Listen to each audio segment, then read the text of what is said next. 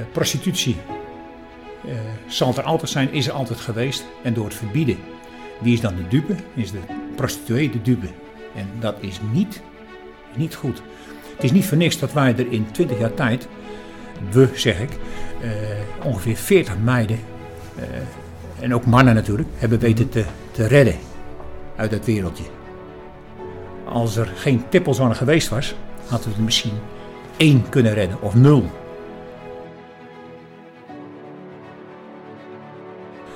Als je mensen behandelt als je gelijken, dan uh, dat werkt meer als azijn. Ik zeg maar stroop werkt meer als azijn. Maar daar deed ik het niet voor. Ik deed mens, voor het menselijk oogpunt. Dat is bijvangst, dat ze je alles vertelden. Dat was natuurlijk hartstikke tof.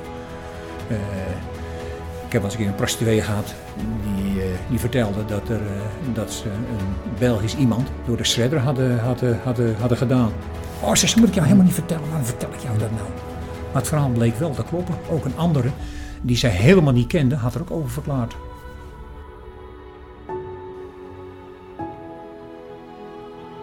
Je luistert naar Jan Schoenmaker, die 20 jaar als wijkagent op de Utrechtse Tippelzone werkte.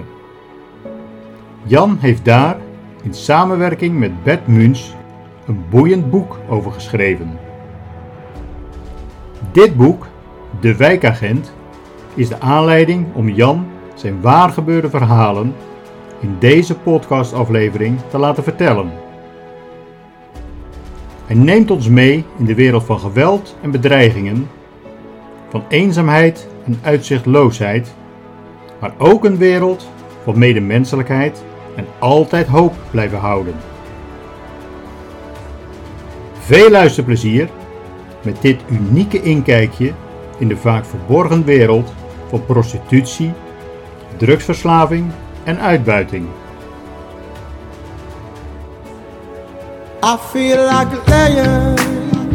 I'm so strong. Bring me the legacy. I'm so fun. Jan, je boek is nog maar een paar maanden uit en heeft nu al een, een tweede druk bereikt. Daarnaast ben je veelvuldig in de, in de media te horen geweest. Je geeft lezingen in het binnen- en buitenland. Uh, je hebt de naam van wijkagent eigenlijk nieuw leven ingeblazen. Dus mijn eerste vraag is eigenlijk: ben je al benoemd tot erelid van de Nederlandse Vereniging van Wijkagenten? Ik weet niet eens dat die bestaat. Ik ook niet, maar anders nee, zou die moeten komen ik, misschien. Ik vind mezelf wel een voorbeeld, mm -hmm. wijkagent, zoals een wijkagent hoort te zijn. Een wijkagent hoort niet achter zijn bureau te zitten, maar die hoort op straat te zijn. Uh, ik, was, ik was ook als uh, wijkagent, ik was biker. Dus ik fietste, ik fietste graag en ik fietste heel veel door het wijk heen. Ja. Uh, ben ik sowieso vanuit mijn achtergrond ben ik een buitenmens.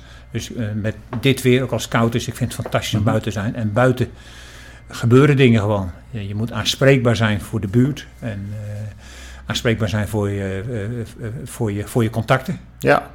En, ik ging altijd in uniform. En je bezocht ook altijd mensen. Altijd in uniform. En ik had natuurlijk een speciaal gebied. Ik was natuurlijk wijkagent op de Tippelzone. Mm -hmm. Maar ik had daarnaast ook nog een normaal wijk. En dat, op zich was dat ook best wel fijn. Dat je naast het bijzondere wijk de Tippelzone ook... Uh, gewoon uh, buurtproblemen uh, op kan lossen. Dat zet je op met beide benen op de grond.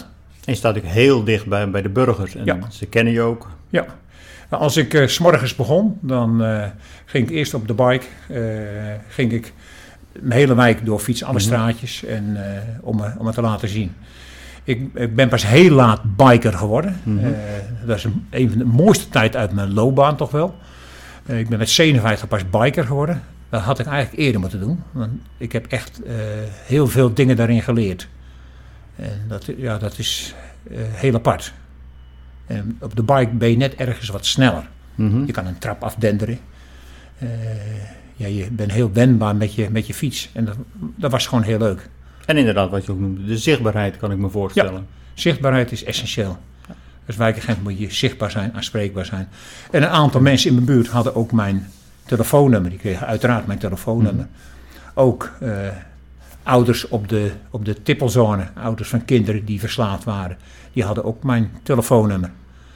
Dat hield in dat ik ook privé regelmatig gebeld werd, vond ik geen probleem. Het liep wel in elkaar over, het werk en de privé. Ja, dat, dat, dat kun je nooit helemaal scheiden. Nee. Als je dat wil scheiden, dan moet je geen wijkagent worden. Moet je ook niet bij de politie gaan werken trouwens. Duidelijk. Je opent je boek op uh, pagina 1 als uh, openingszin met nooit, komma, nooit mag iemand afschrijven, uitroepteken. Ja, dat, vond, uh, dat heb ik echt doorgedramd dat het in kwam. Dat vond ik essentieel. -hmm. Je moet altijd hoop blijven houden dat je iemand weet te benaderen. En soms is dat moeilijk, heb je nog geen manier gevonden. Maar je mag nooit iemand afschrijven. Uh, de, uh, er zijn echt uh, verschillende meiden geweest die een andere machine had opgegeven. En waarbij het, ik zeg met nadruk, ons toch gelukt is mm -hmm. om zo iemand eruit te halen en een beter leven te geven. En dat is toch wel heel mooi, want daar doe je het eigenlijk voor. En uh, de oude artikel 8 van de politiewet, nu is het artikel 3 van de politiewet, staat ook in hulp verlenen aan hen die het behoeven. Het is wel een beetje ondergeschoven thans bij de politie, maar het staat er nog steeds in. Dus ik vind het essentieel. Het is heel mooi om iemand uh, aan te houden en vast te zetten. Maar nog mooier is als die iemand die je aanhoudt zover weet te krijgen dat hij uh, stopt met crimineel gedrag. Of als hij dat wil, want als vrijwilliger moet ze zelf weten. Maar als, hij, als ze wil, of hij wil, hij wilt stoppen met prostitutie, dan moet dat ook kunnen. En dan moet je iemand proberen daarin samen met anderen te begeleiden. Komt dat ook voor een deel uit je opvoeding, dat je die, die grondgedachten zeg maar zo hebt meegekregen? Ja, ik kom uit een traditioneel agrarisch gezin waarin ik een van de jongsten was. En waardoor je toch wel moest vechten voor je plekje. En uh, ja, daar heb ik toch geleerd om op te komen voor de underdog. Uh, uh, de zwakkeren in de samenleving. dat vind ik essentieel. anderen die redden het zelf wel, maar de zwakkere in de samenleving moet je gewoon. moet je, moet, daar moet je gewoon voor zijn. Je noemde net uh, al eventjes je, je jeugd, zeg maar. Uh, in je boek beschrijf je ook dat je, je komt uit een, uh, een klein, streng gelovig dorpje in, in West-Friesland. Hoe is de route verlopen naar de tippelzone in de grote stad? Want dat is nog wel een, een overgang. Ja, ik, ik heb altijd bij de politie willen werken. Ehm, maar niet in een dorp. Waarom niet in een dorp? Ik voel me echt erg verweven met het agrarische. Uh, door de overheid wordt de agrarische gemeenschap soms ook uh, te hard aangepakt. Uh, soms worden ze bijna gezien als, als criminelen en dat zijn het niet. Het zijn hardwerkende agrariërs, zowel veehouders of als akkerbouwers of tuinbouwers. Mm -hmm. Dan heb je ook nog kassen. en ik voelde me daar veel te veel mee verweven. En daarom ben ik in de stad gaan werken. En en het is Utrecht dus geworden. In je boek beschrijf je hoe sommige hulpverleners spreken over een zinkend schip. Als zij het hebben over een in hun ogen hopeloos geval. Wat maakt het dan dat jij toch altijd wel ergens het sprankje hoop er nog uit kan halen om te zeggen van nou een zinkend schip, dat accepteer ik maar heel moeilijk. Want er moet toch altijd nog wel iets te zijn die mensen toch te kunnen triggeren. Ja, ik vind het heel pijnlijk als uh, overigens de meeste hulpverleners zijn gewoon fantastische mm -hmm. mensen. Maar er zijn ook uh, hulpverleners geweest die inderdaad zijn een zinkend schip. Nou, ik vind het zo benader je iemand niet. Dat mag je niet benaderen. Dat mag je zo niet benoemen. Want er is, uh, het is een mens van vlees en bloed. En er is altijd hoop. Alleen het is de kunst om net die snaar mm -hmm. te raken. En ja, dat is dan weer dat stukje trigger wat ik van huis heb meegekregen. Als iemand zegt van, nou, dat gaat niet lukken, dan wil ik dat nog wel eens zien. En het is me dus ook al een paar keer uh, met echt uh, stevige gevallen toch gelukt dat, uh, dat zulke mensen uit dat wereldje zijn geraakt, uit het criminele wereldje, uit het prostitutiewereldje, en waar het nu gewoon fantastisch goed gaat. En als je eenmaal één keer hebt gezien dat er iemand goed kan gaan, dan ja, dan bevestigt het uh, dat het dus gewoon kan. Je vertelde al dat je op een gegeven moment naar de grote stad wilde. Dat werd, dat werd Utrecht. Um, je wilde wel graag uh, wijkagent worden, maar zoals je in je boek beschrijft, had je eerst een, een andere wijk op het oog waar een, een plaatsje vrij kwam. Toen werd je benaderd om het als wijkagent op, op de baan die functie te gaan, te gaan bekleden. Voelde je je gelijk thuis op de baan als een soort sheriff van de tippelzone? Nee, totaal niet. Mijn, mijn chef, dat was een zedenregisseur, Ab. Eh, die zegt, Jan, hier ben jij geschikt voor. En ik eh, vaarde eigenlijk uh, blind op hem, omdat ik heel veel vertrouwen in hem had.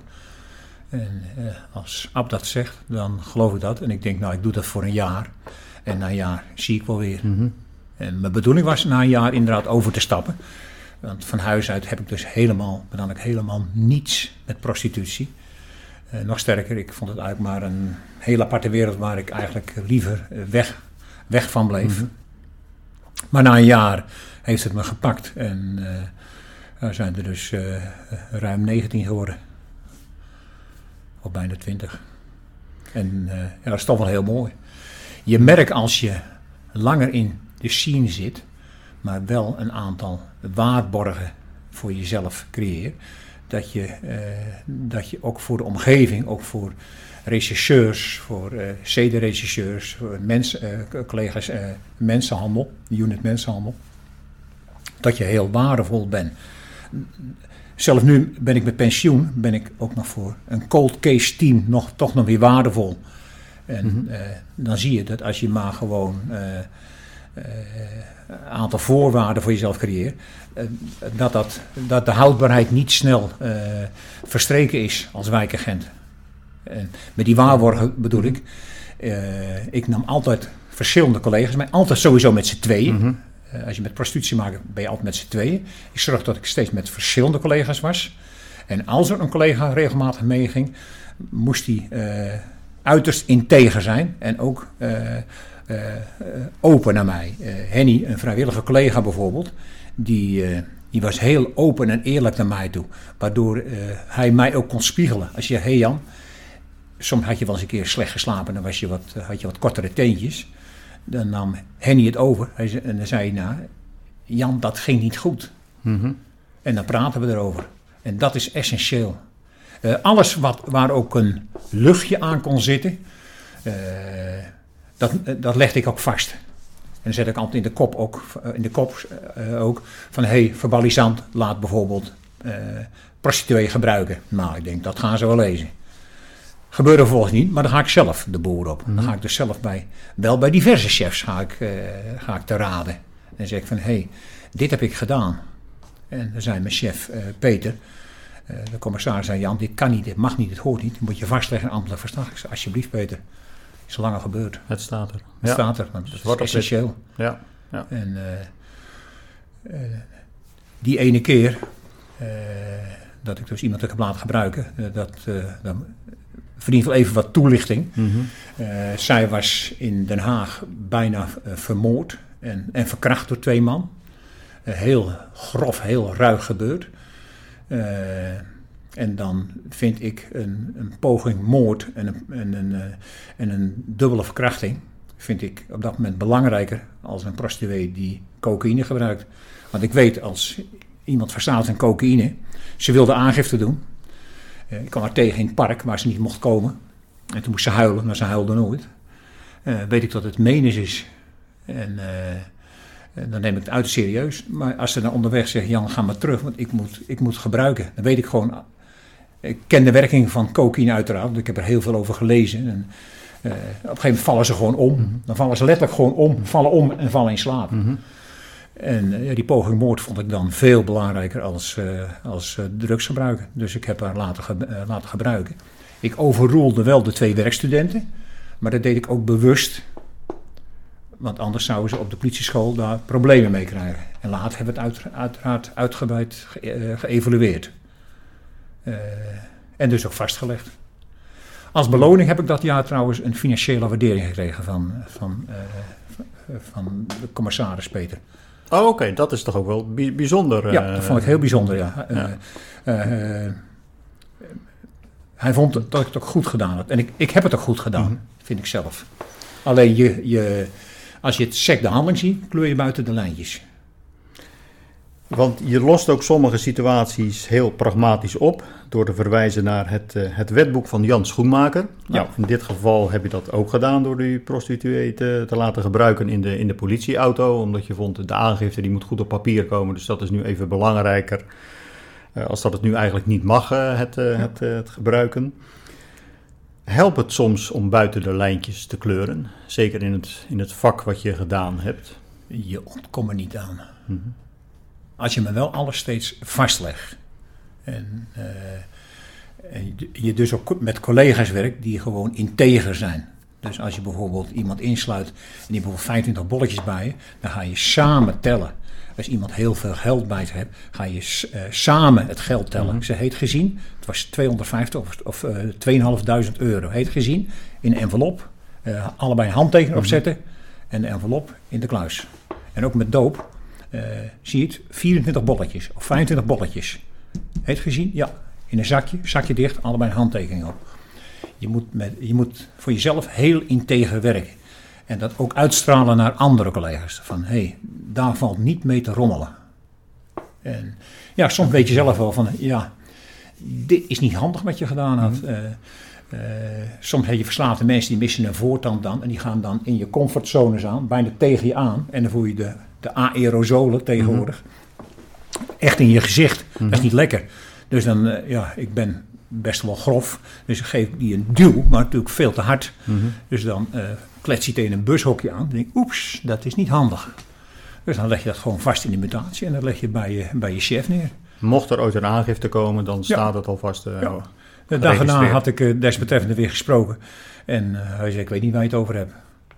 Eh, het, het, het, eh, een verslaafd iemand gaat heel snel over tot de orde van de dag. Mhm. Ook iemand die eh, bijna vermoord is en verkracht is, staat de volgende dag weer gewoon prostituee te zijn. Ja, ja. De- Die wereld is spijker en spijkerhard. Hard, ja. Want wat is naar jou, je, je bent een man van de, van de praktijk. Eh, wat denk je wat nu een groter probleem is? De prostitutie of de drugs? Die twee lopen wel hand in hand. Eh, maar het is wel zo, prostitutie ban je niet uit. Eh, de tendens die nu gaande is, is eigenlijk een hele slechte tendens. Je kan eigenlijk zeggen dat de politiek, en vooral kijk ik dan naar de christelijke partijen, door zo streng prostitutie wil te gaan verbieden, meewerken aan mensenhandel. Eh, prostitutie eh, zal er altijd zijn, is er altijd geweest. En door het verbieden, wie is dan de dupe? Is de prostituee de dupe. En dat is niet, is niet goed.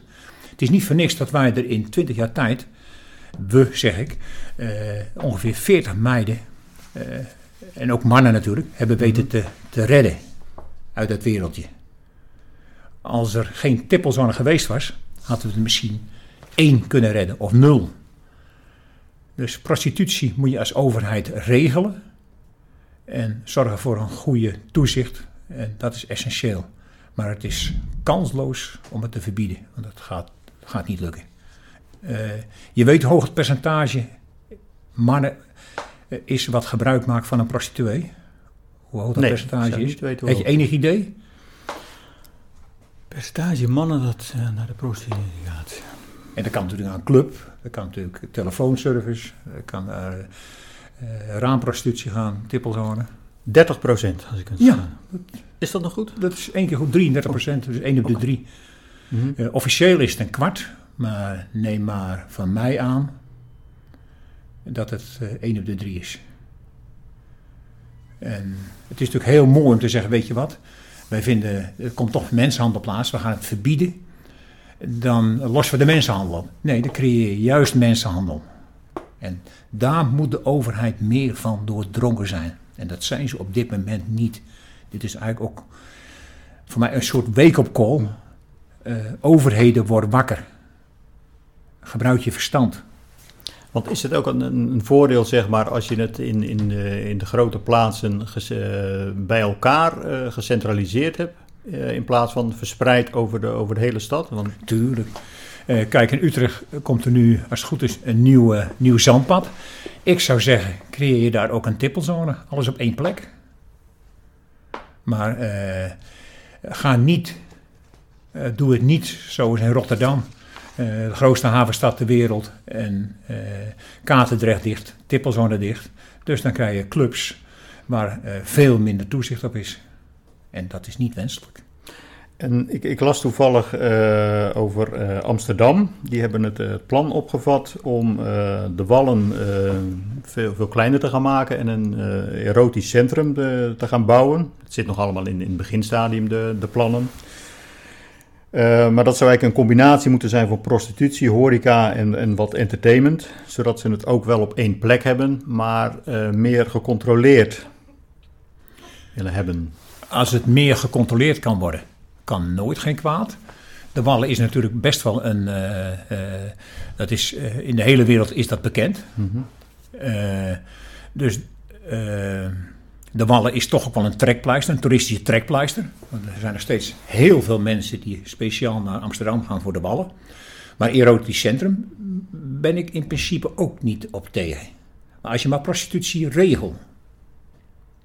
En dat er toezicht is. En je, eh, het mooiste is dat je alle soorten prostitutie hebt.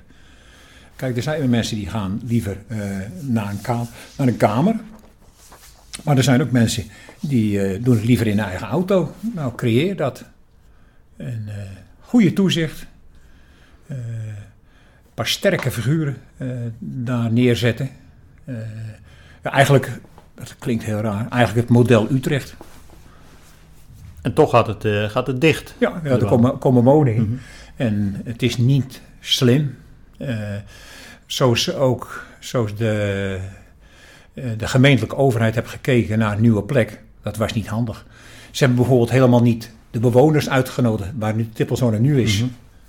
En ik ben ervan overtuigd, er zullen er één of twee zijn die er misschien niet voor zijn. Maar ik, uh, ik durf te zeggen dat het wijkje grenzend aan onze tippelzone, ik noem ze nog steeds onze tippelzone, uh, het wijkje veiliger is geworden als een ander wijk. En, en dat is toch wel heel mooi.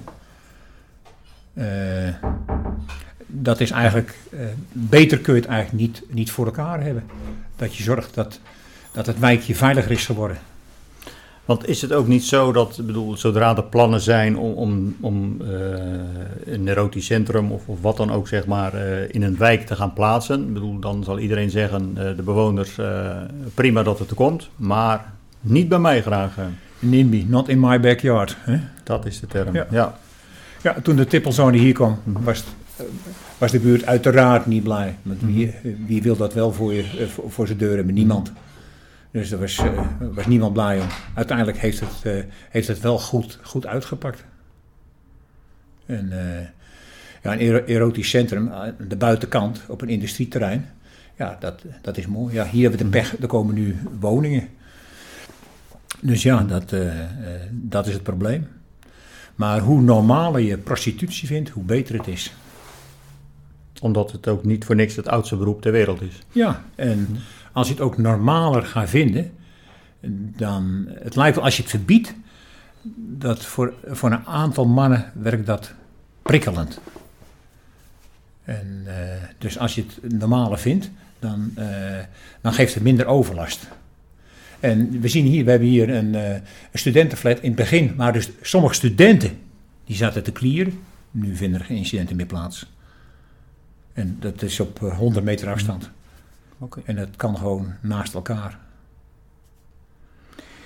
In je werk wat je, wat je gedaan hebt in de, in, in de 20 jaar um, als wijkagent en daarvoor ook nog, nog langer bij de politie, voelde je meer een maatschappelijk werker, een psycholoog, of was je toch altijd wel in de eerste plaats de politieman? Ja, ik was in eerste instantie politieman. Ik heb altijd politieman mm. gevoeld. Ik, uh, ik werkte in principe altijd in uniform. En de sociale kant is heel belangrijk, maar in principe was ik politieman. En uiteraard de sociale kant doe, je, doe je er gewoon bij. Want dat is belangrijk als je iemand die zich crimineel gedraagt. En die kun je zo ombuigen dat, dat ze andere dingen gaan doen. Nou, dat is toch fantastisch. Daar doe je het eigenlijk voor. Dat is de, de hoofdmotivatie, Ja. vermoed ik. Ja. Ja. Oké. Ik, ik heb me ook in het boek eigenlijk eh, verbaasd over het feit dat je, dat je zo vaak schreef van eh, die ging ook op de bon en die kreeg ook al een bekeuring. En dat ging vaak echt eh, met, met, met, grote aantallen bekeuringen, zeg maar. Ja, je moet je voorstellen, de, de mannelijke verslaafden, die zijn in bedreiging voor de tippelzone. In het begin wilden we de APV aangepast krijgen, dat lukte niet. Later is het wetboek van Jan Schoenmaker is geïntegreerd in de, in de algemene politieverordening.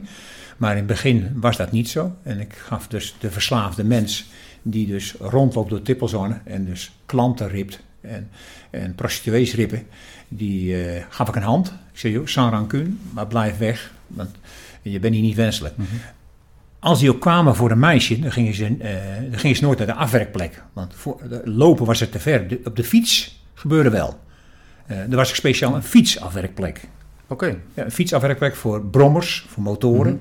En sommige klanten wilden ook staand afgewerkt worden. Dus er was een speciale plek voor waar je, waar je, kon, eh, waar je kon staan. Er was ook een behoefte aan. Dus pa ging bij de praxis spijkers halen. En dan eh pikte hij even een eh, meisje op achter op de fiets. Ja, ja. Je hebt ook best wel wat, wat strijd moeten leveren om zeg maar, de, de, de zone zeg maar, eh, afgebakend te krijgen. Hè? Met, met, met, met bordjes in het begin. Ja. En daar moest je ook wel voor naar het eh, gemeentehuis en de, de ambtenaren eh, overtuigen dat, het, dat dat wel belangrijk was. Ja, ja dat was, was soms wel lastig, ja. En ik heb echt wel eens aan de noodrem moeten trekken. Dus meneer Wolfsen, de burgemeester, is een oud-rechter. Eh, dankzij meneer Wolfsen kregen we dingen voor elkaar. En als ik zou werken had ik het nooit, had ik het, had ik het niet gezegd. Maar het duurde soms wel eens heel erg lang. En eh, ik wilde gewoon zorgen dat mijn collega's gewoon op een goede manier, op een legale manier konden werken. En daar ging ik voor. Want voor mijn collega's ook van het wijkbureau en voor collega's van de hondenbrigade is het gewoon ontzettend belangrijk als je duidelijke regels hebt. En niet zeggen, ja, eigenlijk mag er helemaal niemand komen. Er stonden dus in het begin bordjes voor de toegang voor onbevoegden. Mag, mogen dus gewoon niemand komen. Dus ook geen prostituee mag er komen. Dus dan wil ik een onderbordje hebben. Het is gemeentegrond en de gemeente bepaalt wie er komt. Uitgezonderd. Prostituee met klant. Niet prostituees met klanten. Prostituee met klant. Met klant. Eén prostituee met één klant. Ja. Want als je twee prostituees hebt met drie klanten, dat is niet wenselijk. Dat is bedreigend voor de, voor de prostituees. En dat bordje is er ook, eh, dus ook gekomen. Het heeft alleen een beetje lang geduurd. Dat is dan weer de bureaucratie en de praktijk die wel eens eh, tegenwerkt. Maar ik ben daarin een volhouder. als, eh, het lijkt wel als ik tegengas krijg, dat ik dan op het puntje van mijn stoel zit. Want ik, eh, de collega's, net ik zeg, die moeten gewoon legaal kunnen werken. En ik heb altijd ontzettend veel. Ik zeg altijd, we hebben de tippelzone eh, goed weten te hanteren. En we bedoel ik de collega's van bureau Marco Polo, collega's van de hondenbrigade, collega's van verkeer. eh, we hadden bijvoorbeeld ook wel eens themaavond op het bureau. En dan nodigen we ook gewoon de doelgroep uit. Het zij bijvoorbeeld een, een transseksueel, het zij een verslaafde prostituee. Om zijn haar verhaal te eh, zijn haar het verhaal te vertellen. En dat was natuurlijk voor de buurtbewoners, was dat, kon dat wel eens een openbaring zijn. Ja, dit deed ik dan meer voor de collega's. Oké. Maar ik heb ook wel eens buurtbewoners Ja. Mhm. gewoon een dienstje mee laten draaien. Dus eh, we hadden een buurtcomité en dan nam ik de voorzitter, eh, ook andere eh, mensen, nam ik gewoon een dienstje mee om Mhm. te kijken wat wij nou deden daar. En eh, dat, eh, je moet transparant zijn. Eh, maar ook voor collega's. eh, het is een medemens, hè? En dat vind ik belangrijk. Een prostituee is gewoon een medemens. Eh, kan, eh, eh, kan ons allemaal eh, met een kind overkomen. En dat is, dat is heel lastig. En zo moet je erin steken. En een van de mooie, staat in mijn boek trouwens, een van de mooie gezegdes was van, van een prostituee, een verslaafde prostituee. Ze zegt, ze vroeger was ik de baas over de doop. Nu moet ik me realiseren dat doop de baas is over mij. En toen moest ze huilen. En dat was ontzettend mooi voor de, voor de collega's ook. En ik heb ook wel eens een keer een, uh, een travestiet uitgenodigd. Uh, voor de pauze was hij gewoon man. En na de pauze was hij als vrouw. Om gewoon te zien van, hé, hey, het is een medemens. Als jij zo wil lopen, moet jij toch zelf weten. We leven in een vrij land. En uh, het is... Zo'n mens mag, mag dan anders zijn als jij of ik. Maar daarom ben je niet minder. Het blijft een mens. Het blijft gewoon een medemens. En uh, ja, dat vond ik wel essentieel om dat uit te dragen. Want je noemde net al even als, als tussenzin, zeg maar, van het, uh, het, kan, uh, het kan iedereen overkomen dat, dat je kind hierin in belandt. Denk je wel dat hoe dat je opgevoed wordt, of uit welk milieu dat je komt, dat dat een, een, een bepalend iets is in, in het verdere verloop van, van je leven? Soms heb je gewoon pech, Jaap. Dan heb je gewoon pech en dan op het uh, verkeerde moment, verkeerde vrienden, een verkeerde beslissing. En uh, ja, als je eenmaal een verkeerde beslissing hebt genomen, is dat soms voor heel lang en is dat lastig mm -hmm. om dat 1, 2, 3 om te buigen. En dan heb je soms wel een beetje hulp nodig. Ja, soms heb je echt gewoon pech gehad met vrienden op school. Je gaat wiet gebruiken. Uh, ik wil niet zeggen dat elke wietgebruiker ook uh, andere harddrugs gaat gebruiken, want wiet is tegenwoordig ook al bij de harddrugs rekenen. En overigens zet je ook naar alcohol. Heel veel mensen realiseren niet dat van de drie harddrugs, heroïne, cocaïne en alcohol, dat alcohol verreweg het slechtste is van de harddrugs. En die is eigenlijk uh, maatschappelijk geaccepteerd. Dat bedoel ik. Het is zelfs een beetje, een beetje stoer en het wordt, ja. zo wordt het ook vaak gebracht. Maar ons land telt uh, een miljoen alcoholisten mm. die meer dan acht glazen op een dag drinken. En dat is heel verontrustend. En het geeft leverschade en het geeft natuurlijk hersenschade. Maar je zegt zelfs dat het uh, schadelijker is als de, als, ja, als de alcohol is schadelijker als heroïne of cocaïne. Uh, wil ik niet zeggen dat ik uh, ga propaganderen dat je moet, uh, heroïne en cocaïne moet gaan gebruiken, verre van dat. Mm -hmm. Maar realiseer je wel dat een miljoen alcoholisten in Nederland wonen. 70 miljoen, 1 miljoen alcoholisten. Mensen die meer acht glazen op een dag drinken. En dat is toch wel heel ernstig. Zou je dan ook een, een, een voorstander zijn voor het controleerd verstrekken van, van de drugs, van, van de heroïne aan verslaafden? Hoe meer je het vrij kan geven, hoe beter het is. En ik denk dat je de misdaad, als je de softdrugs, dus de wiet en de, en de afgeleide daarvan, hashish, als je dat uh, gecontroleerd vrij uh, laat geven, met hashish sowieso, want uh, je kan ook de plant, kun je nog kleding van maken, heb, mm -hmm. ik, heb ik begrepen. Je kan er touw van maken. Dus als je dat uh, gecontroleerd vrijgeeft, dan die je de misdaad een enorme genadeklap toe. Hoe normaal je het vindt, maar wel meer voorlichting. Wat ze nu met roken doen, moeten ze ook met alcohol doen. En moeten ze ook met, met andere uh, harddrugs, heroïne, cocaïne, mm -hmm. uh, de rape drug, GHB, gamma-hydroxyboterzuur, de pilletjes natuurlijk, ketamine, wat er nog meer is, uh, vrijgeven, maar goede voorlichting geven. En waarom denk je nog dat er af en toe, dan wordt er wel eens een, een proefballonnetje in, in, de politiek over opgelaten, maar die is eigenlijk weer vrij snel weer uh, kapot ja, geschoten? Ja, zoals men nu omgaat met, het, met, het, uh, met de softdrugs, dus aan de voorkant wordt het gedoogd, is nog steeds strafbaar, mm -hmm. en de achterkant uh, mag, wordt het gedoogd, maar een heel klein beetje. Ja, dat schiet niet op. Dat had een stap moeten zijn voor een volgende stap. In Canada zijn in sommige provincies zijn ze al veel verder als Nederland. Nederland was een vooruitstrevend land mm -hmm. en nu lopen ze gewoon achter. Uh, en gelukkig kom, komen er nu, worden er proefballonnetjes opgelaten door het vrij te geven. Maar uh, het, het, zou goed zijn als dat vrijgegeven wordt. Gecontroleerd vrijgeven. Net als met sigaretten. Uh, vrijgeven, maar wel wijzen op de gevaren en niet, maak het niet te makkelijk om het, om het te kopen. En dat moet je met alcohol ook doen. Met alcohol helemaal. Nu noemde je net al even van het zou een enorme klap aan de, aan de drugswereld uh, ja. betekenen. Uh, nou ja, jij kwam ook wel eens wat, uh, wat te, te, te, dichtbij, zeg maar, bij bepaalde drugsbendes. En ja, toen is er ook zelfs op een gegeven moment een, een prijs op, het, op, je, op je hoofd gezet, zeg maar, voor jou en voor je, voor je collega Gerard. Dat moet wel enorme impact op je gemaakt hebben. Je beschrijft het ook in, in je boek. En, ja. je noemde het net in ons voorgesprekje ook al even, toen je een boek aan het schrijven was, samen met, met Bert Muns dat je daar ook nog wel even weer wat, wat slapeloze nachten van, uh, van hebt gehad toen het weer naar boven kwam. Ja, ik heb, ik heb toen een dagboek bijgehouden om het, om het een plekje te geven. Ik heb dat dagboek nooit kunnen lezen, want dan sliep ik nachten weer slecht. Ik maakte me geen illusies. zoals je ziet heb ik een grote witte baard. Mm -hmm. ik fiets graag. het heeft enorm veel impact gegeven, want ik wist hoe kwetsbaar ik was. En als je een anderhalf jaar lang dag en nacht je pistool bij je hebt, is dat, is dat knap ingewikkeld. En je bent toch gewoon door blijven gaan met je werk? Ja.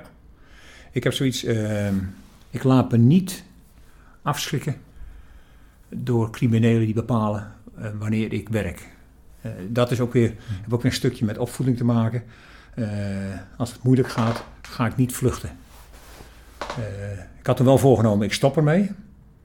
Maar op een moment waarop ik zelf, wat ik, die ik zelf bepaal. Mm. En niet een crimineel. En hoe dacht je je gezin daarover? Ik heb, mijn vrouw heeft me altijd dik en dun gesteund. Als mijn vrouw me niet gesteund had, had ik, dan was ik ermee gestopt. We hebben wel maatregelen getroffen. Mm. Maar goed, dat is ook het voordeel van de politieorganisatie. Je krijgt best heel veel steun van collega's uh, collega's van de hondenbrigade bijvoorbeeld, die, uh, die vertelden mij Jan, die en die is heel lastig en die komt heel dichtbij, die adopteren wij. Dus die op een hele goede manier mm -hmm. Gingen ze hem, haar controleren en vooral hem. En elk met die blaf van de hond. En op een gegeven moment koos hij eieren voor zijn geld. Maar het is wel heel warm dat, dat, je, dat je collega's je dan zo door dik en dun steunen dat is heel fijn. Ja, dat kan ik me voorstellen inderdaad. Ik bedoel, de reden waarom het dan gebeurt, die is natuurlijk uh, minder. Maar ja. wat dat betreft voel je dan wel gesteund dat er ook mensen om je heen staan uh, en, en, en, de organisatie. Ja. Dat kan ik me voorstellen. Is Gerard trouwens wel blijven werken bij de, bij de politie? Ja, Gerard is, uh, is blijven werken. ondanks de, de problemen die Gerard gekregen heeft. En hij werkt nu nog steeds bij de politie. Oké. Okay. Wel een andere functie. Wel een andere functie, ja. En ik heb ook nog regelmatig contact met hem. Je beschrijft in je boek ook een aantal uh, waar gebeurde verhalen. Uh, je noemde net al even inderdaad uh, de prostitutie die, die zeg maar moest gebruiken in de, in de politieauto. een ander verhaal waar je zeg maar wel een hoofdstuk aan, aan wijdt is, is Puk. Ehm, die met heel veel moeite eh, naar een afklik, eh, afkikkliniek ging en een blijf van mijn lijfhuis. En misschien kan je kort vertellen uh, hoe het gelukt is om haar naar die kliniek te krijgen en hoe het is, is afgelopen. Met haar is sowieso heel goed afgelopen. Het gaat nog steeds heel goed met haar. Het was wel een helve job. Uh, ze was echt heel diep weggezonken. Maar met verenigde krachten, ook met, uh, met een maatschappelijk werk. Die hadden toen binnen de politie Kees uh, samen beleid uitgestippeld. En uiteindelijk is dat toch gelukt, maar het ging niet zonder slag of stoot. En ik ben er wel, ook wel eens wanhopig geweest. Ik denk, ach, had ik haar maar nooit mhm. geadopteerd. Waarom zeg ik dat toch? Maar uiteindelijk was zij toch een van de eerste stevige gevallen die we eruit hebben weten te krijgen. Uh, haar ouders hadden ook mijn telefoonnummer, mochten me altijd bellen. Dat vond ik essentieel. Mm -hmm. Want voor ouders is het een verschrikking. Uh, ze zich in de steek gelaten. Uh, soms lijkt het wel net een soort rouwproces. Je kind leeft nog, maar nou, je moet niet vragen hoe zo'n kind leeft. Je kan er eigenlijk niet meer bereiken, geestelijk. Nee, nee. Maar ik heb er altijd wel kunnen, kunnen bereiken. Hij zei ik wel dan en dan komt je moeder langs. En uh, dat zei ik ook tegen hem. Ik zei, je weet het hè. Hij was, uh, haar vriendje, die was als de dood voor me. Mm -hmm. Want hij wist dat ik, dat ik niet aan de kant. Dat is ook het voordeel als je jezelf zo neerzet. Dan weten meiden ook van, hé, hey, die gaat niet aan de kant. En dat vond ik essentieel. Om te zeggen van, hé, hey, ik ben niet bang. En ik ga niet aan de kant voor dreigementen. Nooit of te nimmer. Nee, nog sterker. Als het moeilijk maakt, zit ik het puntje van mijn stoel. Nog een stapje extra. Nog een stapje extra. Want denk je dan, als je, als je de film nog eens terugdraait in je hoofd, dat haar grootste angst was om van de, van de drugs af te komen? Of de bedreigingen van haar, nou ja, vriendje tussen aanhalingstekens? Want het, was, het was niet echt een, een, een, vriendje, kan ik me zo maar voorstellen. Ze werd ook uitgebuit. Ja. Is dan die angst groter om, om ja, het licht nog wel te kunnen zien aan het eind van de tunnel van er, er is ook een ander leven mogelijk? Ja, uh, ja, die twee lopen een beetje hand in hand. Uh, ze is afhankelijk van het vriendje. Dus kan dus ook niet bij hem. Hij geeft een stuk veiligheid of zorgt voor de, voor de, voor de drugs. Mm -hmm. uh, enerzijds verslaafd zijn is een manier van leven. En om niet meer verslaafd te raken, dus te stoppen, is een helve job. Dat, dat, als je zelf, zelfs te snel afkikt, kun je in coma raken. We hebben eens een keer een vrouwelijke drugshandelaar gehad. Die, uh, die was naar het ziekenhuis, was in coma geraakt. Die, uh, in de cel moet je dus cold turkey af, af, afkicken. Dat is helemaal niet gezond, dat is helemaal niet goed. Mm -hmm. Je moet dus echt langzaam af, Geleidelijk moet het Geleidelijk afkicken, mm -hmm. want anders dan kun je echt gewoon in coma raken. Mm -hmm. Ze had kunnen vluchten, maar ze was in coma. Dus, dus uh, daarom, daarom is ze niet kunnen vluchten. Dat was overigens een heel, heel hard stel. Er waren twee vrouwen, twee twee vrouwen die een, uh, een drugskartel hadden, uh, maar ook gewapend. Die waren echt spijkerhard. Die hadden een man voor zich werken. Dat was dus omgekeerde wereld. Ja, ja. Nou noemde je net al even dat je ook vaak ehm, mensen, zowel collega's, maar ook mensen van, van buiten de politie meenam op je, op, op je, je rondes, zeg maar, door de wijk. Ja.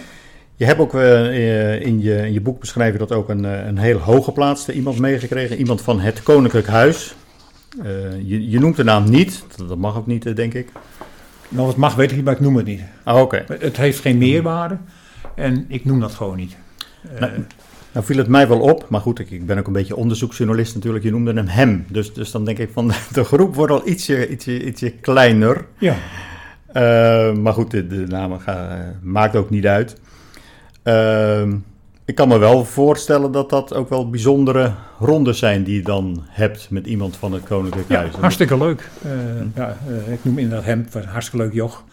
En uh, voor mij staat ook in het boek, weet ik niet. Ik gaf hem een hoofdagentiejaars aan. Ja. Ik ben de baas. Mm -hmm. En dat vond hij, vond hij ontzettend leuk. En zo, is, zo hij zich opgesteld had, was ontzettend tof. ontzettend goed. Mm -hmm. Hij leek toevallig op een, op een collega. Dus zo noemden we hem ook. En uh, hij heeft de avond van zijn leven gehad en ik vond het ook ontzettend leuk. Hij was oud marechausseur, dus uh, uh, hij droeg ook een uniform. Mm -hmm. ja, ik, ik vind het wel belangrijk. Het zijn uiteindelijk toch de mensen die, en zeker ook politici, die uiteindelijk toch ook de beslissingen moeten, ja. mo moeten nemen. Ja. Dus dat die in de, in, met een. dus als je zo'n kans krijgt, moet je dat altijd doen. Mm -hmm. ik heb ook als rechtercommissaris meegehad. Mm -hmm. en, en het bekende verhaal van, uh, van uh, waar is dat nou op gebaseerd? Ja, het is wetboek Financiën maken, meneer de rechtercommissaris, officier van justitie, mm -hmm. burgemeester. Ik heb zelfs wel eens een, uh, de tweede man uit, was de tweede vrouw uit Nicaragua meegegaan. Mm -hmm. Haar naam ben ik even kwijt. En, ontzettend leuk, leuke vrouw. Om dan gewoon te zien wat hier ook gebeurde. Afgezien het feit dat de politie daar iets anders, anders werkt als bij ons. ja, het is gewoon het was een, een, we waren het visitekaartje van Nederland. Hè. In Groningen had ze een tippelzone alle Utrecht. In Keulen hebben ze een boekwerk geschreven over dat Utrecht een model als mogelijk voorbeeld voor Keulen. Dat is toch wel heel leuk. Ja, dan krijg je ook eer voor je voor Ja, voor natuurlijk. Je, voor je ik ben uit het, het afvoerputje. Mm -hmm. En uh, we maakten ook bij de, bij de PR van de gemeente Utrecht... hadden we ook gewoon een boekje gemaakt. In het Engels mm -hmm. en, in het, uh, en in het Nederlands. Ik weet niet of het ook in het Duits was. Ja, dat is natuurlijk fantastisch. Ja. Je bent ook in je, in je wijk, uh, Transwijk, een, een, paar keer aan de deur geweest bij wat later uh, bleek de, de Utrechtse serieverkrachter uh, ja. te zijn. Omdat hij nog een aantal verkeersboetes had, had openstaan.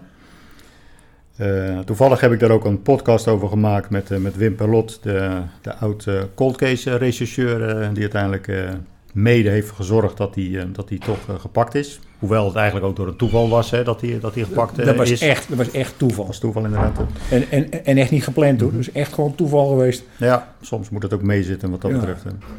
Denk je wel, want er was toen natuurlijk ook wel een, een compositie uh, tekening en omloop. Denk je dat je als je hem achteraf nog, nog zag erop dat je hem herkend zou hebben als hij wel de deur had open gedaan? Nee, ja, ja dat weet ik niet. Hij heeft de deur nooit open gedaan. Uh, toen hij gepakt was, wist ik waar hij, waar hij gewoond had. ja, maar er zat een, uh, zat een cameraatje in, dus ik kon ja. precies zien wie ik was. Dus dat deed gewoon nooit open.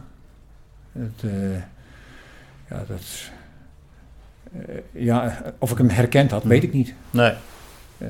Ik vond die compositietekening die gemaakt was, hij leek er wel op, maar ook niet echt veel. Dat is altijd moeilijk. Ja. Maar het is wel bizar. Hoe Achteraf gezien, uh, ja. Hoe anders had het kunnen lopen. Had het kunnen lopen, inderdaad. Uh, ja. nu noemde hij net al een aantal keren de, de harddrugs en de, en de, en de bolletjeslikker, maar je hebt nog niet verteld dat je zelf ook een bolletjeslikker bent. ja, dat was leuk. Ja, met, uh, met spijkers met koppen. met Dolf. Ja, Dolf deed het heel slim. Dus hij, Dolf, je bedoelt met koppen met spijkers. Of nee, spijkers met koppen. Wat is het nou? Ja, het is op, op zaterdagochtend. ja, zaterdagochtend. Kop, spijkers met koppen. Spijkers met koppen. Ja. En op een gegeven moment, we hadden het helemaal voorbereid, mm -hmm. dat, dat gesprek, dat radio-interview. En Felix Meurders zegt van, je, heeft u een strafblad? Ik denk, wat willen ze nou toch heen? Dat stond helemaal niet in het script. Hij zei, bent een bolletje slikker? Nee, ik slik geen bolletjes. Hij zei, maar je houdt toch van knoflook? ja, toen had hij me. Dat was wel leuk hoor. ja, want ik ben een vervent uh, liefhebber van knoflook. Ik, uh, ik, eet ook bijna elke dag knoflook. En uh, ik geloof heilig in de werking van knoflook. Ik teel het ook zelf. Dus ik voldoen in aan mijn eigen verslaving. maar dat was een, dat was een leuk, leuk interview met, met Dolph Jans en Felix Meurders. Echt leuk. Ah, de mensen moesten ook lachen. Je hoorde achterom de mensen ook lachen. Dat was echt gewoon leuk. Dat hadden ze goed gedaan. Uh, ja. ja, dat is echt goed voorbereid. Nou, wij hebben gelukkig geen, geen last van, uh, mochten er nog wat, wat geur mee komen, want wij zitten netjes op anderhalve meter afstand en zelfs nog een, een scherm ertussen in verband met de coronamaatregelen. Dus, uh, dus ik heb in ieder geval geen, uh, geen last van mogelijke geur of zo. Dus wat dat betreft heb ik geen last van je verslaving. Um, Rutger Brechtman, ik weet niet of je er was van gehoord hebt, maar die heeft pas een, een, een boek geschreven, De meeste mensen deugen. Nu ben ik eigenlijk benieuwd nadat je 20 jaar uh, op de baan hebt gewerkt als wijkagent, of dat je het nog met die stelling eens bent. Ja, ja ook op een tippelzone. De meeste mensen deugen. Als je kijkt bijvoorbeeld naar die, dat incident waar ik aan de autoportier was blijven hangen. En dat alle verslagen, zelfs drugshandelaren, uh, mij kwamen helpen. Ja. Dat is toch wel heel mooi. Want misschien even in het heel kort, kan je vertellen wat er toen gebeurde? Ik controleerde een auto. Uh, meneer die had wat gedronken. Was op zijn verjaardag. Was echt een zielig iemand. En die uh, uh, was eenzaam. En ik was toevallig in Burger. in principe maakt dat niet uit. Dus ik had mijn legitimatie uit. Ik zei, meneer, heeft u gezien? Ik ben van de politie. Mm -hmm. Heeft gedronken. En ik, door het geopende portier hing half naar binnen.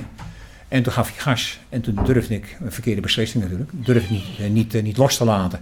Dus ik bleef aan het autoportier hangen. Mm -hmm. Ik hoorde mijn collega roepen, Jan laat los, maar ik durf niet los te laten. Dus ik ben aan het portier blijven hangen. En uh, hij zei, stop!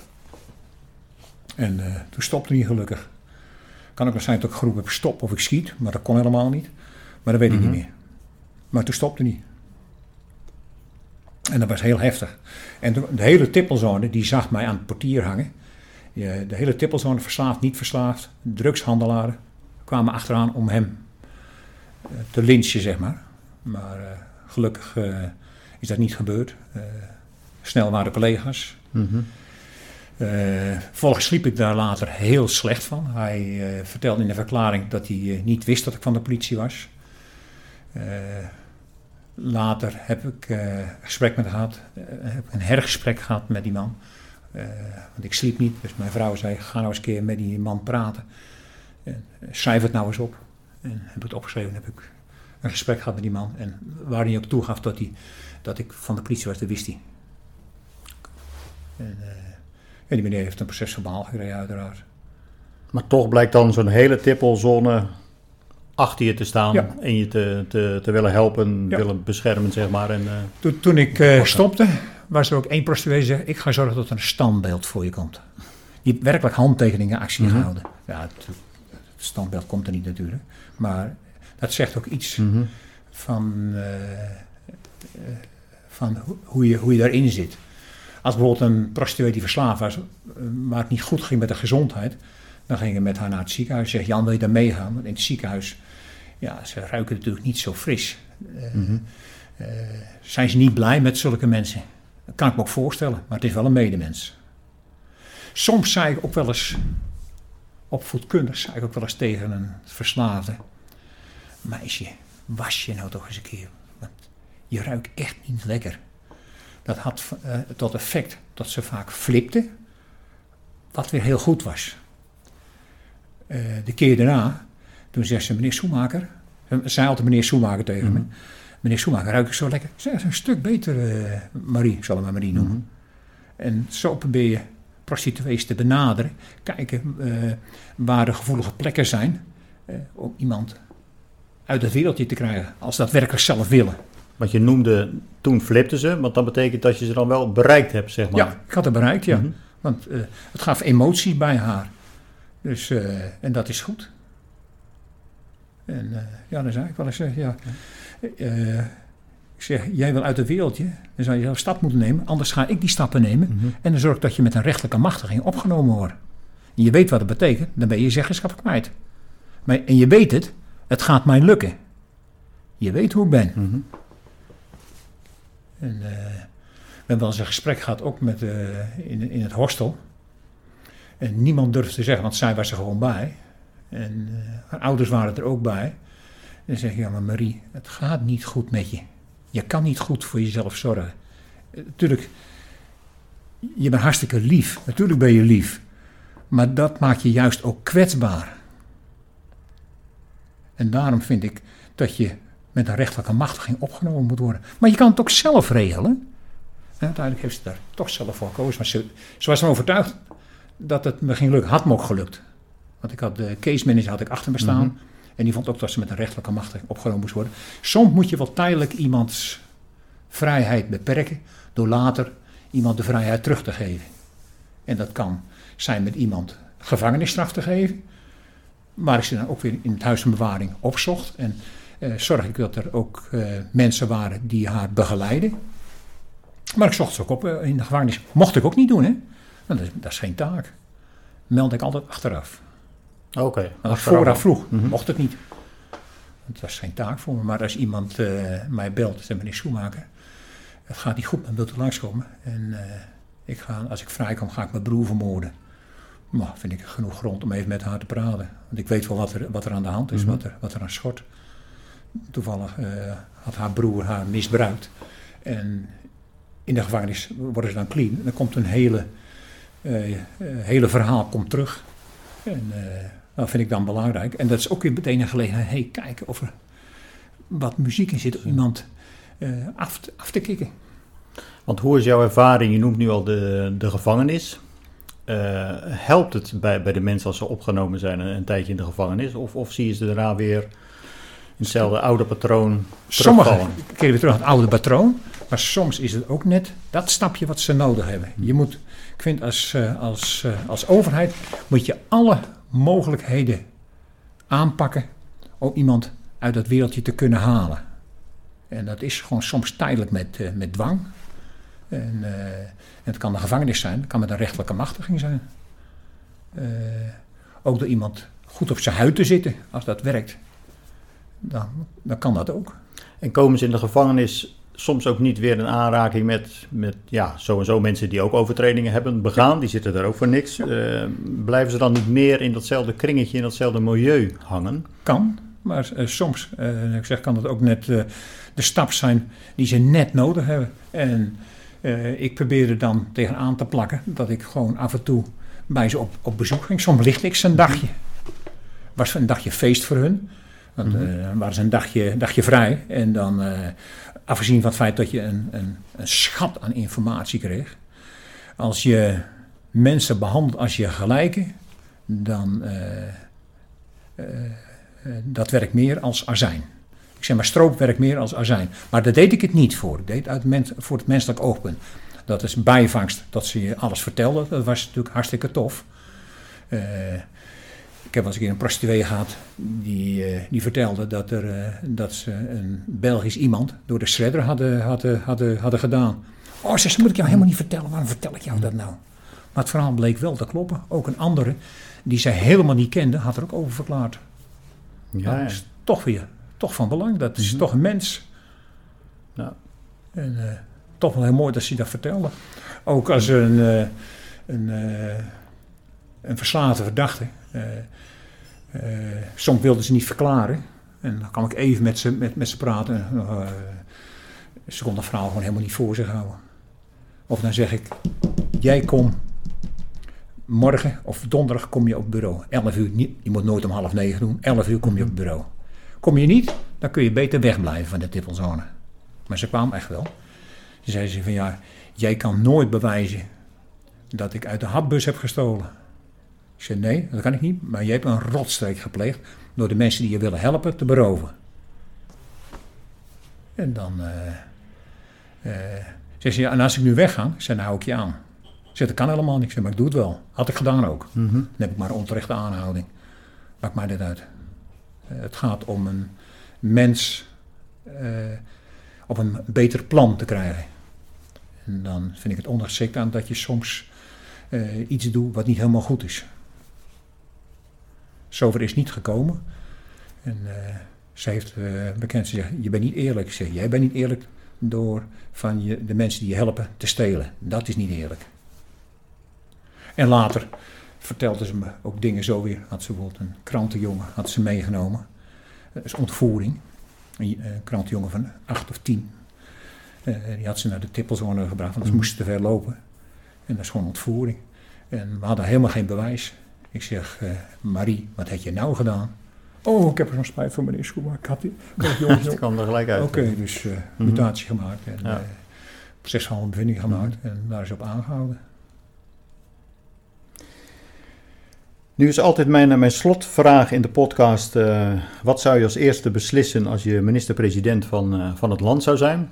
Nou, in dit geval wil ik het iets specifieker maken. Welke maatregelen zou je als eerste nemen om de, de uitbuiting, de criminaliteit en de overlast van de, de prostitutiezones zoals die in Nederland uh, zijn te beperken? Ja, ik vind het een hele goede vraag, heel belangrijke vraag, want dat ligt, ligt bij mij heel, heel gevoelig. Als ik de macht zou hebben, zou ik zorgen voor een prostitutiezone. Alle soorten prostitutie. In een redelijk grote stad moet je die hebben. Dus een tippelzone, clubs en, uh, en raamprostitutie. Dan moet je gewoon goed regelen. Goede en goede toezicht daarop. En sterke toezicht daarop. Het, het voordeel daarvan is dat je dan minder mensenhandel hebt. als je daar geen goed toezicht op hebt dan creëer je plekken voor, voor mensenhandel. En mhm. die mensenhandelzaken kosten weer heel veel werk, waardoor er nog minder toezicht is. Maar dus, uh, je moet dat, prostitutie moet je regelen, zei mijn zedenchef uh, altijd. Prostitutie moet je niet verbieden, want dat is kansloos, doodlopende weg. Uh, is niet goed. De, de prostituee is daar de dupe van. Ook de prostituant is er de dupe van, mm -hmm. maar het gaat me vooral om de zwak in de samenleving. De prostituee is daar de dupe van. Uh, wij hebben hun op de tippelzone veiligheid kunnen geven. Onze tippelzone was in principe niet zo geschikt als locatie. Maar door wij als, uh, als politie, als overheid het goed geregeld hebben, was het een hele goede plek. En ja, dat gaat straks verloren en dat is jammer, jammer, jammer. Want komt er nu wel een nieuwe plaats in Utrecht? Uh, nee. En dat is gemiste kans. Schandalig korte termijn werk. Uh, niet nadenken. Want wanneer gaat de baan nu precies gesloten worden? Ik heb laatst in de krant gelezen, mm. ik heb ook sowieso volgend jaar, maar ik heb begrepen mm 30 juni uh, uh, volgend jaar gaat die dicht. Oké. Okay. En dat is, dat is niet goed. Tippelzone is er nu, even kijken, het is vanaf ik, 85 denk ik, 86 is Tippelzone er. Dus hij is al 35 jaar. Mhm. Nou, dit is straks over. Ja, en dat zal nu ook al Is- heel is veel het wel zo dat- is het wel zo dat prostituees, gelukkig tegenwoordig dankzij Hans Spekma, oud-wethouder van Utrecht, eh prostituees worden niet wel beter behandeld do- doordat ze niet meer op straat hoeven te Mhm. zwerven en op straat eh, moeten slapen. Want we hebben in, eh, in het verleden hebben gehad dat ze in de tunnel in Utrecht konden slapen buiten. Nou, dat, je laat je hond niet eens buiten slapen, dan, dan laat je een medemens. eh, eh, wie dan ook laat je niet buiten slapen. En dat er hostels zijn is, is een goede zaak. Maar je, je moet de zaken gewoon goed regelen. Goed En- regelen, dat is eigenlijk het, het kernwoord. Ja, goed regelen. Goed regelen. En gemiste kans dat, eh, dat een tippelzone weggaat en niet terugkomt. Dus ik hoop nog steeds dat die op het nieuwe zandpad, dat ze daar iets creëren. Anders weet ik ook nog wel één plekje waar je een tippelzone nog zou kunnen creëren. Mhm. Ook hier in de buurt. Ze kunnen je dus nog bellen, de gemeente. Jawel hoor, jawel. Helemaal duidelijk. Prima, dan wil ik je bedanken Jan voor dit eh, openhartige gesprek over een, eh, een, eh, een ernstig onderwerp, dat, dat wel. Je hebt er je, je levenswerk van, van gemaakt. En ik kan eigenlijk iedereen het boek De Wijkagent van harte aanbevelen. Google het en eh, de naam staat gelijk al bovenaan je, je lijsten met het, met het boek. Eh, je beschrijft het ook eh, wel soms met een, eh, een vleugje humor tussendoor. Dus het is een, een zeer leesbaar boek geworden. Je hebt er ook 3,5 jaar samen met Bert Muns aan gewerkt, vertelde je. Dus het is wat dat betreft niet, niet afgeraffeld en dat, dat lees je er zeker in, in terug. Dus nogmaals, bedankt voor dit interview. Ja, ik vond het ook een leuk interview. Goede vragen. En je hebt het goed voorbereid. Leuk.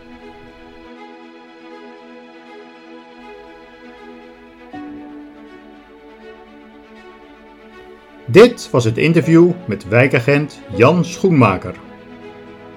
Wat mij hiervan het meest is bijgebleven, is dat Jan de gave heeft om ondanks alle ellende daar doorheen te kunnen kijken en het sprankje hoop te kunnen ontdekken. Daarnaast behandelde hij de mensen op een faire manier, waardoor er ook wederzijds respect ontstond.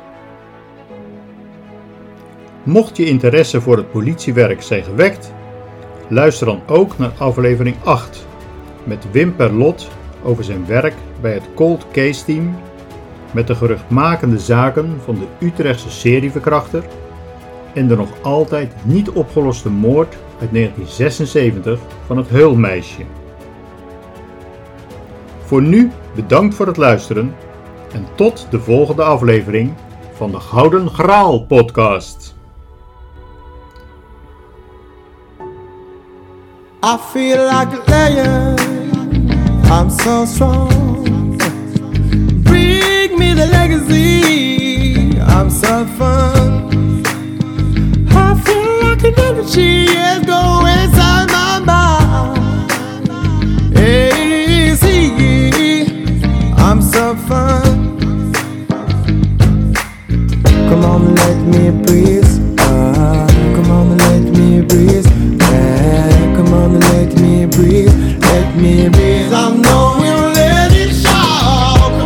Let me breathe.